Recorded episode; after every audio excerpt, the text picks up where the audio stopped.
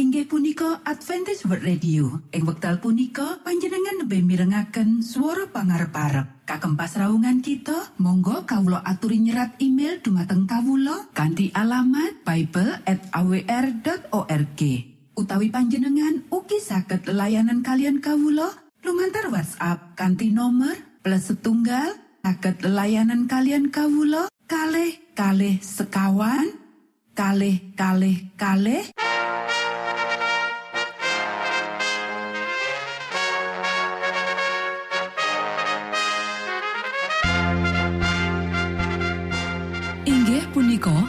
Adventist World Radio ingkang giaran kanti basa Jawi. Tentrem Rahayu kula aturaken kagem para mitra kinasih ing pundi papan lan panggonan.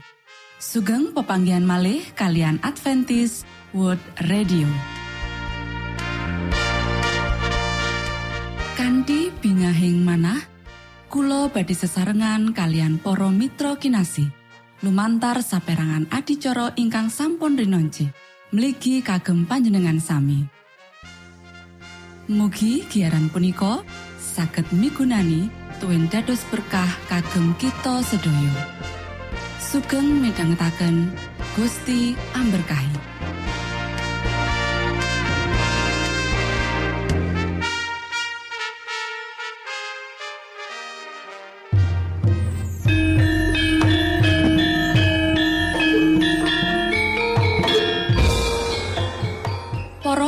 Pamirsa kinasih ing Gusti Yesus Kristus. Ing wekdal punika, kita badhe sesarengan ing adicara ruang kesehatan. Ingkang saestu migunani kagem panjenengan saha kita sami. Tips utawi pitedah ingkang dipun aturaken ing program punika tetales dawuhipun Gusti ingkang dipunnyatakaken ing kitab suci. Semanten ugi sakehing seratan ingkang dipun wangsitaken dening Gusti Allah. Nanging saderengipun monggo kita sami midhangetaken kidung pujian.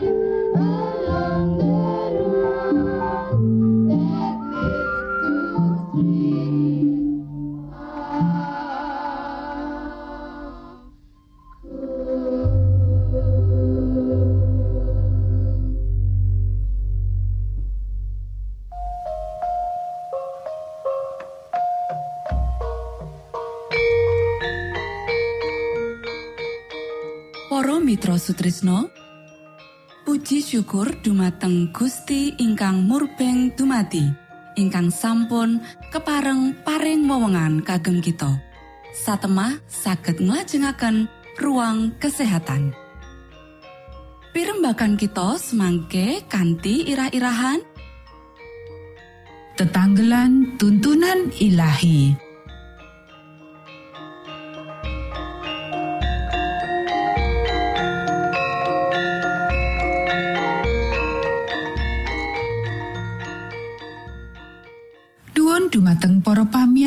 ingkang dahat kinurmatan sugeng pepanggian malih kalian kula Isti Kurnaidi ing adicara ruang kesehatan. Ing dinten punika kanthi irah-irahan tetanggelan tuntunan ilahi. Para sederek ingkang kinasih Gusti bakal mulang akeh wong ing salumaing jagat kanggo gabungake wowohan wiji-wijian lan jejanganan dadi sawijining panganan sing nyokong panguripan sing ora nggawa leloro. Wong-wong sing ora tau ndeleng resep panganan sehat kaya sing ana ing pasar saiki iki bakal makarya kanthi wicaksana kanggo ngenekake percobaan ngolah asil bumi. Dheweke bakal antuk pepadang ngenani pangolahan hasil bumi iki. Gusti bakal nuduhake marang dheweke opo sing kudu ditindakake. Panjenengane bakal maringi keterampilan lan pangerten marang umate ing bagian donya liyane. Ya iku rancangane Gusti supaya pacawisan panganan ing saben negara bisa disediakake sak bisa-bisane supaya bisa digunakake ing negara liya. Kaya dene Gusti Allah wis maringi mana saka swarga kanggo nyokong panguripane bangsa Israel mangkono uga saiki panjenengane maringi marang umate ing papan sing beda keterampilan lan kawicaksanan kanggo gunakake hasil negara sakjroning pengolahan lan kawicaksanan kanggo nggunakake hasil negara sakjroning pengolahan panganan sing bisa ganteni panganan daging. Para sederek, ya iku rancangane Gusti supaya ing saben papan pria lan wanita bakal disurung kanggo ngrombakake talentane kanggo nyediakake maneka warna panganan sehat lan hasil bumi alamiah ing wilayahe Saumpamane dheweke ndeleng marang Gusti Allah lan nglakokake keterampilan lan kapisane ing sangisore tuntunan Sang Roh Suci, dheweke bakal sinau kepiye carane ngolah produk alamiah dadi panganan sing nyihatake. Kanti mangkono, dheweke bisa mulang wong mlarat. Kepiye nyediakake panganan kanggo awake dhewe? Yaiku panganan sing bisa nganteni panganan daging. Wong-wong sing ketulung kosok balen bisa mulang wong liya. Pakaryan kaya iki bakal dilakokake kanthi sregep lan kanthi tenaga sing kebak. Menawa iki wis dilakokake sadurunge mulo saiki iki bakal luwih akeh wong sing sakjroning kabeneran lan luwe akeh maneh sing bisa menehi pitutuh. Ayo kita nyinaoni tugas kita iku lan banjur nindakake. Kita ora bakal kumantung marang wong liya lan mutung. Banjur nunggu wong liya nindakake pakaryaning Allah sing wis ditugasake marang kita. Matur nuwun, Gusti amberkahi.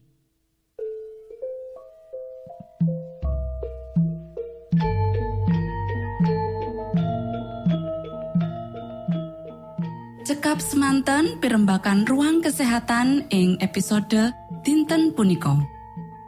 Ugi sampun kuatos jalaran kita badhe pinanggih malih ing episode sak lajengipun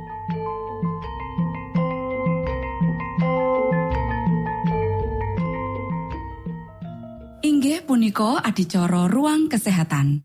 Menawi panjenengan gadah pitakenan utawi ngersaakan katrangan ingkang langkung Monggo Kulo aturi. Kinton email dateng alamat ejcawr@ gmail.com utawi lumantar WhatsApp kanti nomor 025 pitu 00 songo songo papat 00 pitu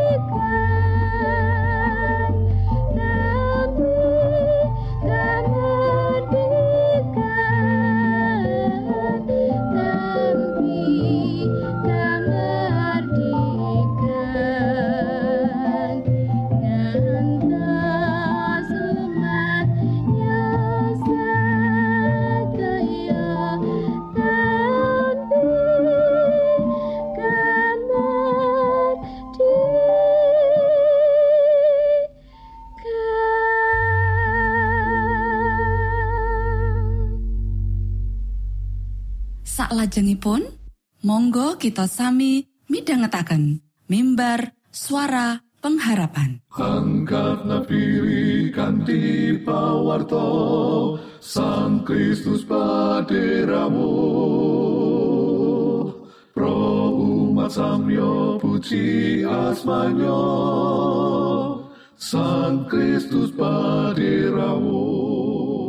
Inggih punika mimbar suara pengharapan ing episode punika kanthi irah-irahan krisis ing mangsa wekasan.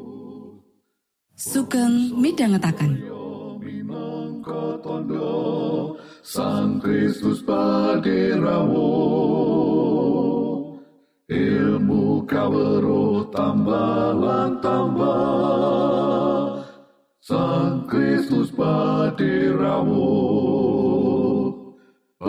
paderamu paderamu Sang Kristus paderamu Shalom para pamiarsa ingkang kinasih wonten ing Gusti Sakmenika kita badhe midhangetaken renungan Sabto pangandikanipun Gusti.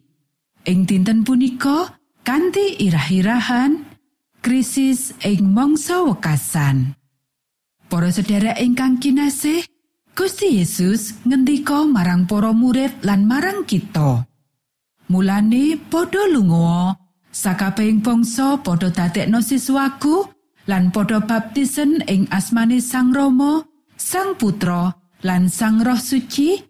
Apa dene padha wulangen bab apa wis dak dawuhake marang kowe kabeh. Lah aku tansah nunggal karo kowe nganti tumeka ing wekasaning jaman. Matius pasal 18 ayat 19 lan 20. Iki minangka titah agung. Lan jroning akeh cara, pawartan telung malaikat kanthi sawijining patimbalan marang sakabehing bangsa lan suku, tuen basa lan kaum.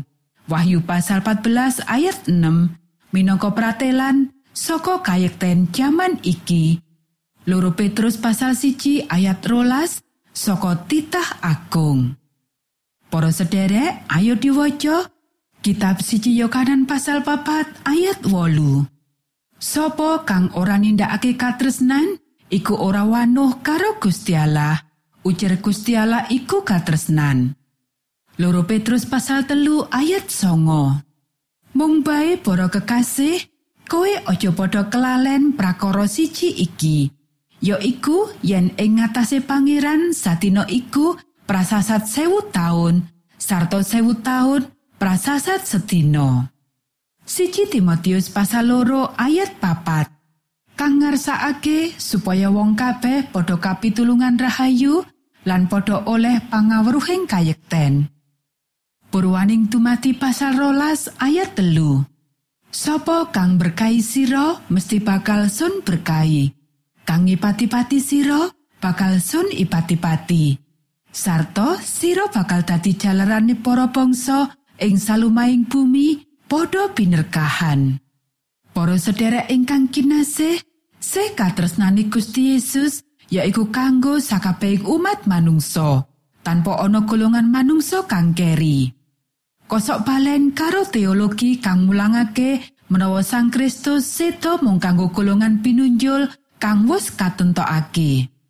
Kitab suci cetha banget nyatakake menawa setane Gusti Yesus minangka kanggo sakabehing umat manungsa ora peduli ras, suku utawa faktor liyane. Menawa sampeyan menungso, Sang Kristus sedo kanggo sampeyan. Titik. Kang dadi pitakonan kanggo sakabehing wong ya iku, piye oleh sampeyan nanggepi setani Gusti Yesus? Para sedherek ingkang kinasih, nalika Gusti Yesus rawuh, mung ana loro golongan wong kang cetha disawang. Kapisan, golongan kang cunduk marang panguasane iblis lumantar institusi agama lan politik kaya dene kang katuduhake ing kitab Wahyu pasal telulas lan Wahyu pasal pitulas. Kapindo, para wong kang cunduk marang Gusti Yesus kang imane katuduhake lumantar netepi pepakone Allah lan percaya marang Gusti Yesus. Wahyu pasal 14 ayat rolas. Para sederek awit saka wiwitan umat manungsa wis nduweni bukti bab sapa sejatining Allah lan dalan kayekten lan katresnane. Rom pasal siji ayat wolulas nganti rolas. Mula saka iku, sakabehing manungsa saka wektu biyen bakal kaadili adhedhasar kepiye manungsa iku wis makarya bebarengan karo Gusti Allah lan nguripake panguripane peduli saka sepiro akeh dheweke mangerteni utawa ora. Rom pasal loro ayat 11 lan 16. Ananging ing jaman saiki ana sawijining proses kang ngrembaka lan kamartikan rumangsaning ati ora diajeni maneh. Wong-wong bakal padha dipeksa manunggalake diri karo iblis. Bab iki banget wigati satemah Injil kudu kawartakake lan pawarto serius bab strategine si iblis kudu dibuka. Lan iku sing sak punjer sapa apa kang kasebut pawartan telu malaikat lan misi kita. Monggo kita sami ndedonga. Durama kawula ingkang wonten ing swarga, asma patuko mugi kasucikaken. Kraton patuko mugi rawuh, karso patuko mugi kalampahan wonten ing bumi, kados dene wonten ing swarga. Kawula mugi kaparingan rejeki kawula sak cekapipun ing dinten punika. So patuko mugi ngapunten kalepatan kawula, kados dene kawula inggih ngapunteni tetiang ingkang kalepatan dhateng kawula. Punapa dene kawula mugi sampun ngantos katandukaken dhateng ing panggoda nanging mugi sami patuko uwalaken saking piawon. Awitene patuko ingkang kagungan kraton saha wiseso tuen kamulyan salami laminipun. Amin.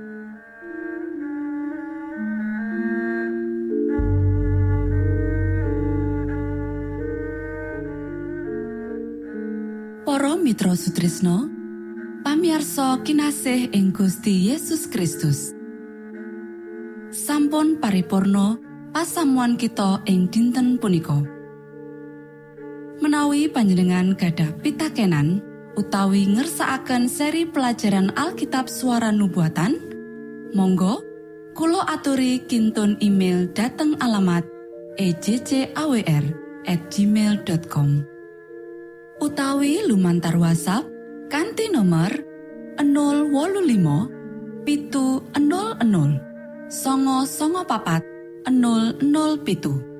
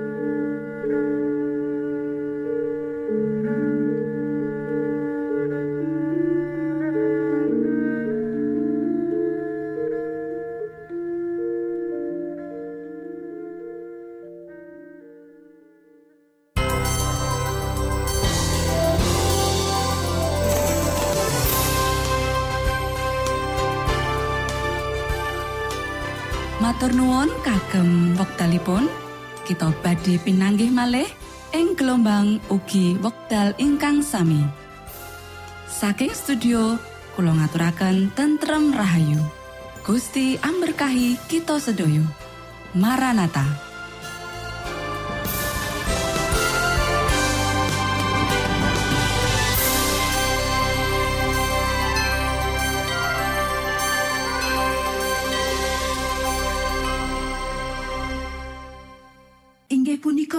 Adventist World Radio. Ing wekdal punika panjenengan lebih mirengaken suara pangarep-arep. Kagem pasraungan kita, monggo kawula aturi nyerat email dumateng kawula kanthi alamat bible@awr.org. utawi panjenengan ugi saged layanan kalian kawulo lumantar WhatsApp kanthi nomor plus setunggal saged layanan kalian kawulo kalih kalih sekawan kalih kalih kalih